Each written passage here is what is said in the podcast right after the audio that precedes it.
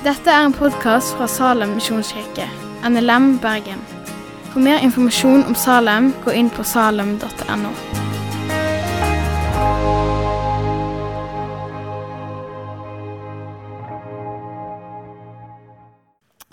I dag skal vi fortsette å snakke om Efeserbrevet. For de som er på besøk, så, så jobber vi gjennom Efeserbrevet i en periode nå i høst. Og Vi kom til kapittel 4, 17 og helt fram til 5.20, så det er ganske mye Bibel i dag. Og Noen av dere vet jeg har forberedt seg med å lese teksten eh, i grupper eller eh, alene. Og Kanskje leste du teksten på forhånd og tenkte 'stakkars taler'. Det gjorde jeg òg. Det er en vanskelig tekst å tale over, men, og det er en stor tekst. og Vi skal gå gjennom noen små momenter.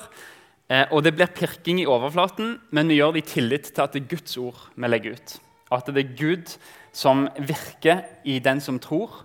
Og han har sagt at han skal sette sitt ord i verk, sånn at det ikke kommer tomhendt tilbake.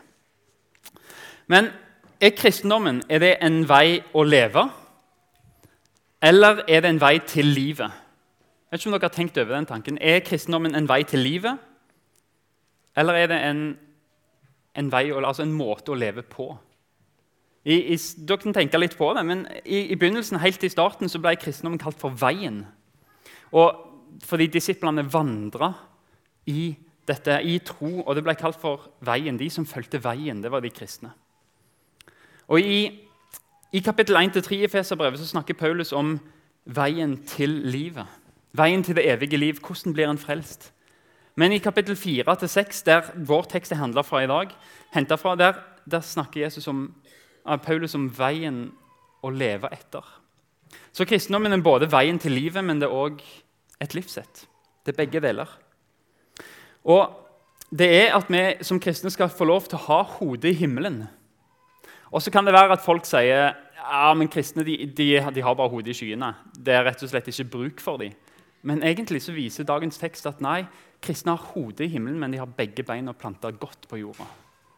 Det er på en måte det hele tida Paulus jobber mellom i Efeserbrevet. I kapittel 4, Vi skal slippe å reise oss i dag, for vi skal litt lese tekst og så snakke litt og så lese litt mer. og litt sånt. Så Vi leser i Jesu navn i kapittel 4, vers 17. og Slå gjerne opp på mobilene, for det kommer ikke opp på skjermen eh, på mobil eller i biblene deres. og Følg med. Paulus skriver, så ber jeg dere inntrengende i Herren. Lev ikke lenger slik som hedningene. Deres tanker er tomhet. Deres forstand formørket, og de er fremmede for livet i Gud. De kjenner ham jo ikke, og deres hjerter er forherdet. Avstumpet er de blitt, og de har gitt seg over til et utsvevende liv. De er urene og grådige i alt de gjør. Når du leser dette, så er Paulus ganske drøy. Han skriver om hedninger. Og så sier han tankene deres er tomhet. Og i det så legger han at de, de bruker tid på ting som egentlig ikke har evig betydning. Og så sier han at forstanden deres er formørka. Og, det, når, vi leser Bibel, andre bibeloversettelser og kommentarer, så forstår vi at det han mener er at det, det er en ignoranse. Selv om Gud åpenbarer seg, så er det nei. Jeg vil ikke ha noe med det å gjøre. De er formørka. De vandrer i et mørke. Og så sier han at hjertene er forherda, forsteina. Og Paulus bruker et ord for, for en stein som er mye hardere enn marmor. Og et uttrykk for å beskrive i medisin ledd som blir helt stive, som ikke kan brukes, men som bare er, ikke er så enkle å bruke. I etikken så brukes det ordet som man bruker her for å beskrive noe som er blitt så forherda at det mangler evnen til å føle. Det er ganske heftig det Paulus sier om de som ikke er kristne. Men det er, en, det er en generalisering. det er de fleste enige om at Her sier han på en måte at det fins en prototype kanskje av en som ikke tror, og en prototyper av de som tror. Men, men, jeg tror det Paulus snakker om, er at det er en vei til livet, eller en vei i livet, som har en forsteinende effekt på hjertet. Når mennesket ikke ser Guds skjønnhet i naturen, og ikke ser Guds inngripen i livet, og ikke anerkjenner at det fins en Gud, så får tilfeldighetene ansvar for alt. En som heller vil forklare alt som skjer i verden, med at den sterkeste overlever, den svakeste dør, og at det er veien å leve på, så finnes det ytterpunkter av den troen, nemlig en mangling mellom kobling på tro og verdier og på følelser. Litt vanskelig å kanskje ta, Men, men et eksempel. Hva tenker du om menneskets verdi? Altså, Paulus skriver ordet hedning. Vi, vi, bruker ikke det ordet så veldig mye lenger. I dag så kanskje bruker vi mer naturalist. En som tror utelukkende på det som vi kan se. En naturalist som hevder at det fins ingen Gud, det fins ingen plan i universet, ingen vilje. Det fins ingen mål for mennesker. Det er bare det du kan se. Evolusjon er alt. Men hva sier det om livet? Jeg kan gå inn på en nettside og skrive hvor gammel jeg er, hvor tung jeg er, og så kommer det opp hvor mye jeg er verdt. 2000 dollar, rett i underkant av 2000 dollar. Vi er ikke mer enn avansert kjemi. Et biprodukt av tilfeldig og meningsløs utvikling over lang tid er bare et dyr. Ingen moral, ingen verdi. De mest verdifulle menneskene det er de som er sterkest, de som har mest. De andre, veien fram er egentlig døden der, fordi den sterkeste kan dominere den svake. Og Det er greit med krig og drap fordi det er den sterkeste som vinner. Utroskap er greit fordi den kjekkeste vinner til slutt. Mennesket er ikke likeverdige. Det er noen som er sterkere, og noen som er svakere. Naturalisme uten Gud. Det blir, hvis hun trekker det helt til endes, en sånn følelsesløs griskhet som Paulus beskriver.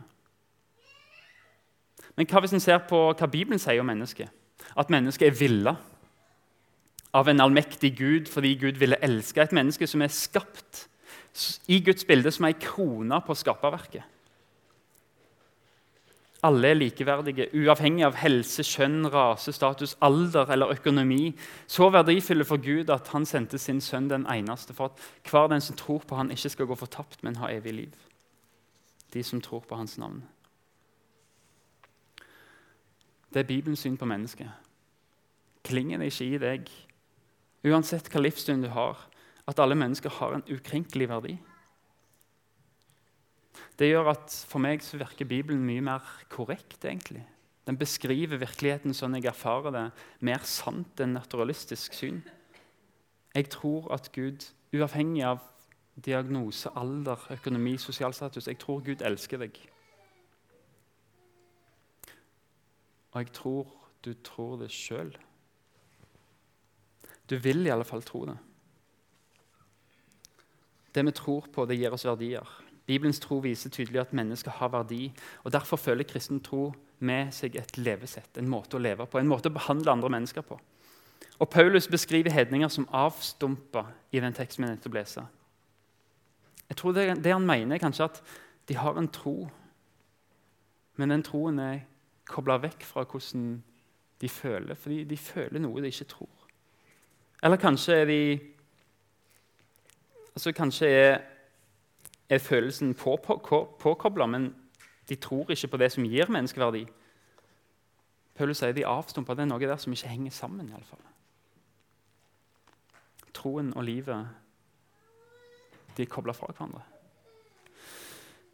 Paulus fortsetter i vers 20.: Men dere kristne er ikke slik. Dere har gått i lære hos Kristus. Vi kristne er ikke slik. Legg merke først, aller først til at Paulus skriver dere skal ikke lenger leve som hedninger. Det vil si at De kristne var aldri sånn moralske perfeksjonister. Ikke i det hele tatt, men, men noe har skjedd. Og så sier han dere er ikke lenger sånn. For dere har gått i lære hos Kristus. Ikke fordi vi har skjerpa oss, vi var akkurat sånn før. Det lever i meg, det der å kunne framheve meg sjøl på bekostning av andre. Det er fremdeles i meg. Men vi har gått i lære hos Jesus. Vi har fått en opplæring hos Jesus som er sannheten. Vi har et nytt forbilde vi prøver å følge. Vi har et forbilde i Jesus som er Gud som kom til jord. I den greske verden, før kristendommen kom, så var den som hadde penger til å betale, det var han som fikk trygghet. De som var av rett familie, de var insidere. De kunne ha makt. De fattige de måtte greie seg sjøl. Du, du, holdt deg til din familie, og du støtta deg og bare deg. Så kom kristendommen inn i det kaoset. Og kristendommen, Skal vi tro historiebøkene om den tida, så skapte det det mest inkluderende fellesskapet historien har sett.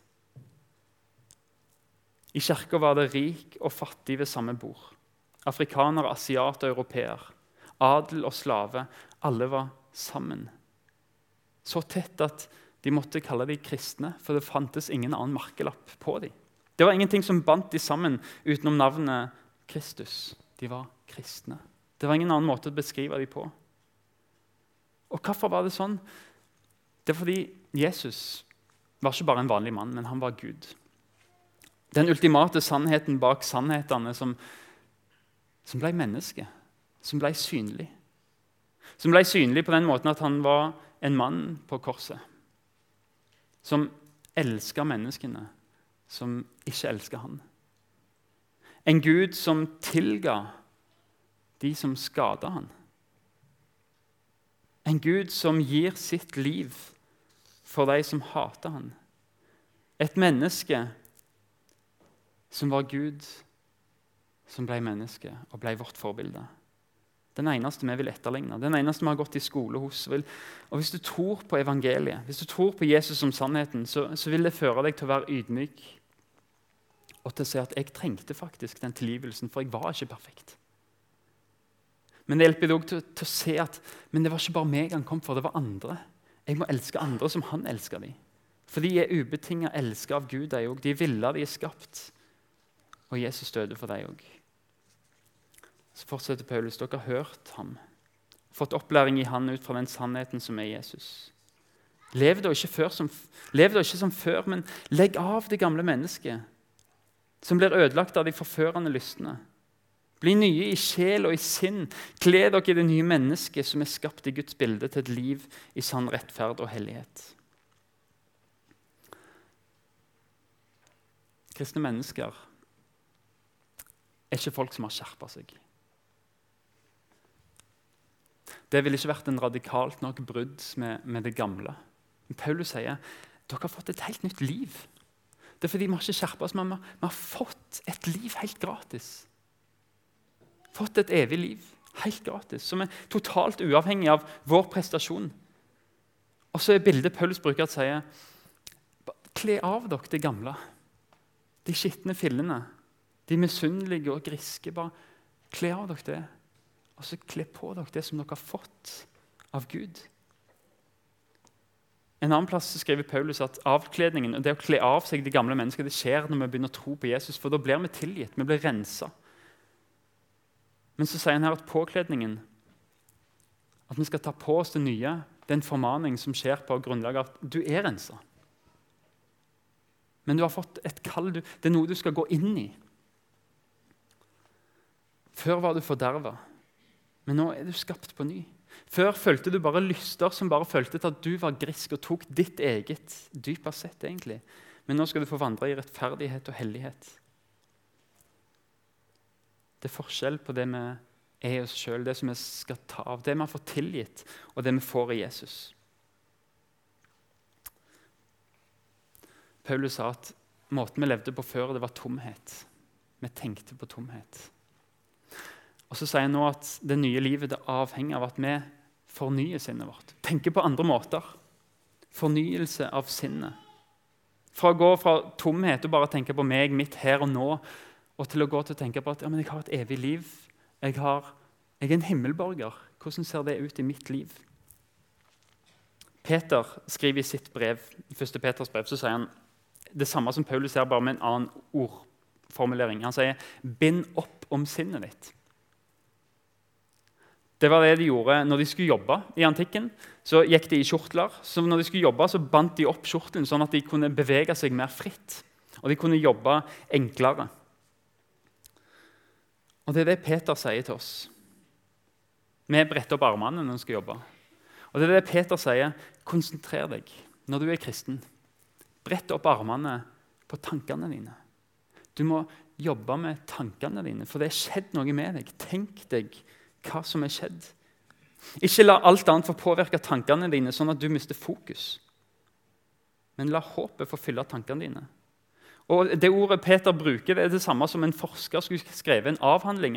Peter skriver liksom, Tenk systematisk, bruk fotnoter, referanser, bruk intellektet. Tenk, Hva vil det si at du er en kristen?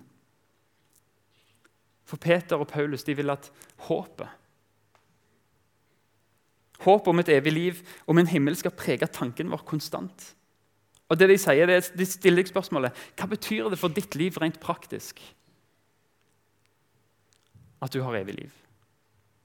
Hva er rett å gjøre, og hva er rett å prioritere når, når du har blitt, alt det du har gjort før, er blitt tilgitt, og du har fått et helt nytt liv bare av nåde?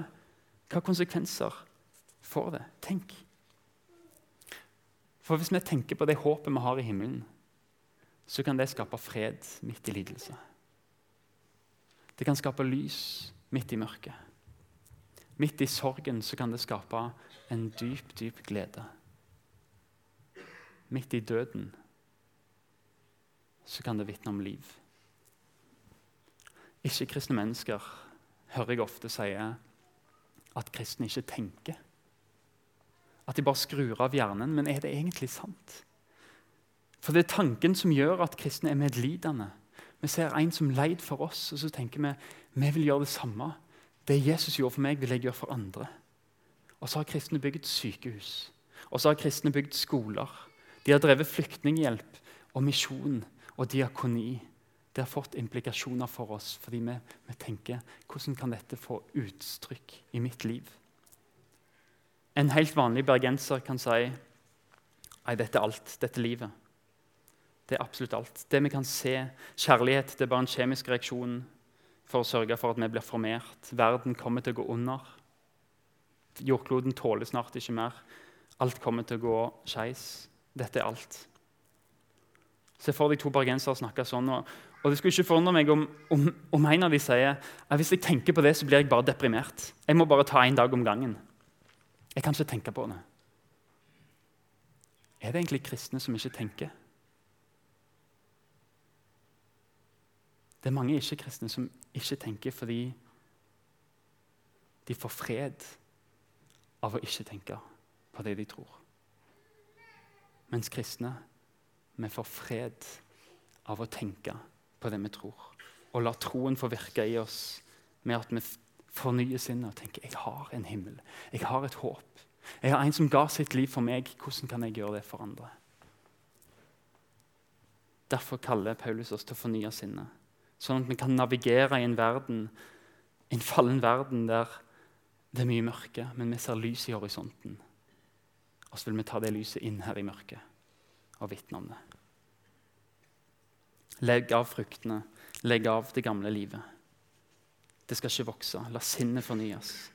Du har fått en ny rolle. Du har fått helt nye klær. Du var en fange. Nå er du fri. Før vi leser litt videre hvordan ser det ut, dette kristenlivet? Der vi tenker og, og prøver å la tanken få forme livet vårt. I 2009 så ble det gitt ut en forskningsprosjekt som heter The Social Costs of Incarceration. Ok, vanskelig ord. Social Cost of Incarceration. Men det var den største undersøkelsen der Norge var en stor bidragsgiver. Den største undersøkelsen av fengselsstraff og tilbakeføring i vanlig liv i hele Europa. 22 000 domfelte ble undersøkt og, og intervjua. I studien så, så forskerne de så at det hjelper å rehabilitere mennesker. Når de er straffedømte, å kunne gi dem en utdanning i fengselet eller gi dem en utrustning som gjør at i daglig liv så kan de bidra når de kommer ut. De viste at i skandinaviske land som Norge så fokuserer fengselssystemet på rehabilitering og arbeidstrening. Og det var noe av det som fungerer aller, aller, aller best. Det burde ikke overraske oss. Fordi denne tanken om endra liv først, den fantes hos Gud.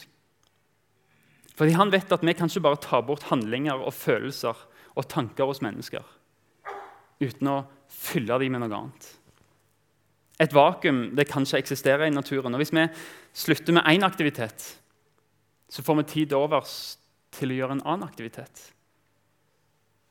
Gud er klar over at denne dynamikken og, han, og, og Paulus skriver i det vi nå skal lese, at Gud vil at vi bytter ut egenskaper som ikke er et bilde av Han.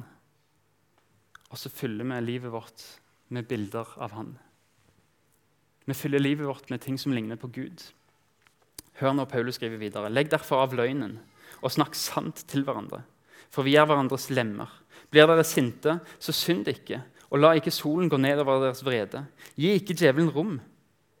Den som har stjålet, skal ikke lenger stjele, men arbeide og gjøre noe nyttig med sine egne hender, så han kan ha noe å gi til den som trenger det. La ikke et eneste råttent ord komme over leppene. Si bare det som er til godt, og som bygger opp der det trengs, så det kan bli til velsignelse for den som hører på. Gjør ikke Guds hellige ånd sorg, for ånden er det seil dere er merket med, helt til frihetens dag. Slutt med alt hardhet og hissighet og sinne, bråk, spott og all annen ondskap. Vær gode mot hverandre. Vis medfølelse og tilgi hverandre, slik Gud har tilgitt dere i Kristus.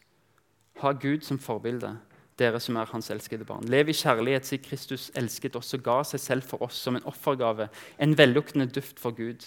Hor, all slags urenhet og grådighet må det ikke engang være tale om hos dere. Slikt sømmer seg ikke for hellige. Rå ord, tåpelig tale og grovt snakk er også upassende. Si heller takk til Gud. Det hender at Den hellige ånd sier til meg i mitt liv Kristian, det i livet ditt det må du ta bort. Det passer ikke for en kristen disippel å holde på med dette og tenke på dette eller gjøre dette. Og kanskje sier Gud det til noen av dere av og til. Men det er ikke sånn at når Gud tar noe bort fra oss, så etterlater han oss et stort tomrom som vi ikke får fylle igjen. Når Gud fjerner noe i oss, så gir han oss alltid noe bedre tilbake. Og Sånn er det i ditt liv òg. Gud befaler oss til å ta bort ting i livet som ikke er bra for oss. Men det er ikke fordi han vil at vi skal være miserable.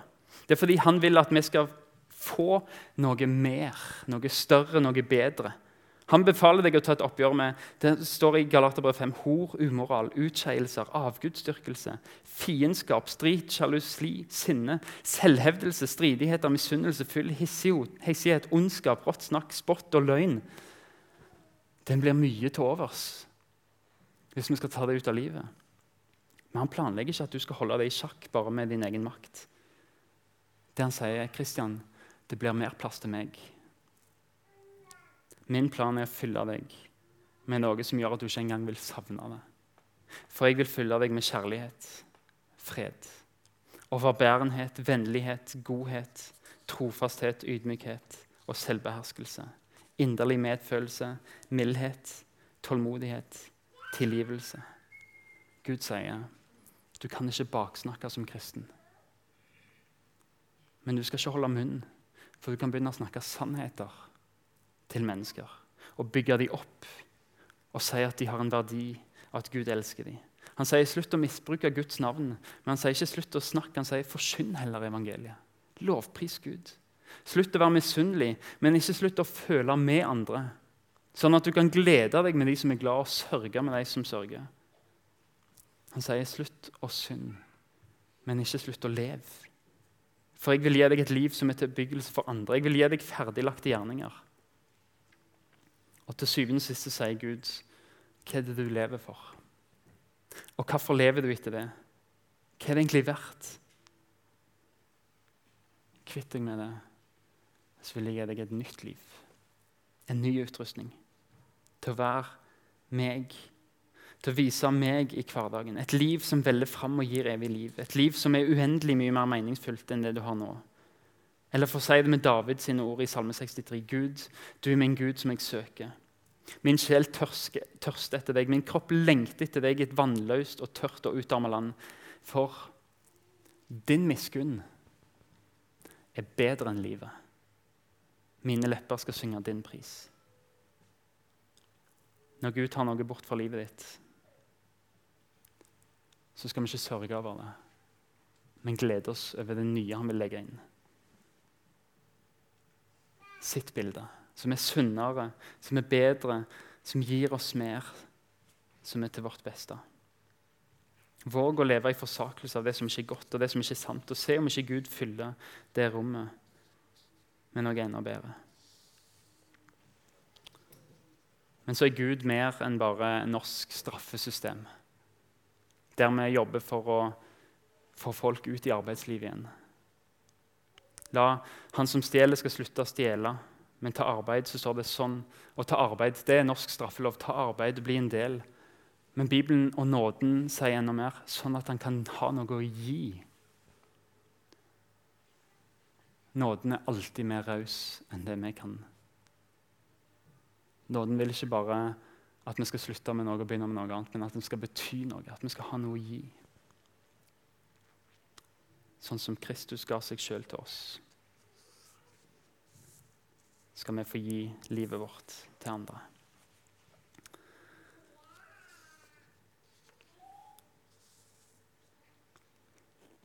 Vi skal bare lese de siste versene, og så skal de få tale for seg sjøl.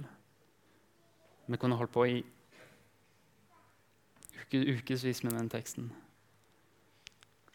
Men vi leser de siste versene som en avslutning.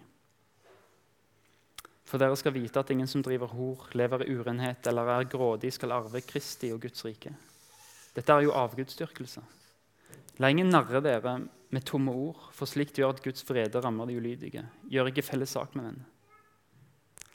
En gang var dere selv mørke, men nå, i Herren, er dere lys. Lev da som lysets barn. Lysets frukt er all godhet, rettferdighet og sannhet. Prøv hva som er til glede for Herren. Ta ikke del i mørkets gjerninger, for, for de bærer ingen frukt. Avslør dem heller. Det som slike folk driver med i det skjulte, er bare en skam å nevne. Men alt kommer for dagen når det blir avslørt av lyset. Og alt som kommer for dagen, er lys. Derfor heter det, våkn opp, du som sover. Stå opp fra de døde, og Kristus skal lyse for deg. Pass derfor nøye på hvordan du lever. Ikke som ukloke mennesker, men som kloke. Så dere bruker den dyrebare tiden godt, for dagene er onde. Vær ikke uforstandig, men forstå hva som er Herrens vilje. Drikk dere ikke fulle på vin, det fører til utskeielser. Bli heller fylt av Ånden. Og syng sammen. La salmer, hymner og åndelige sanger lyde. Syng og spill av hjertet for Herren. Takk alltid vår Gud for alt i vår Herre Jesu Kristi navn. Amen. Takk for at du har hørt på podkasten fra Salem, Bergen. I Salem vil vi vinne, bevare, utruste og sende. Til Guds ære. Vi ønsker å se mennesker finne fellesskap, møte Jesus og bli disippelgjort her i Bergen og i resten av verden.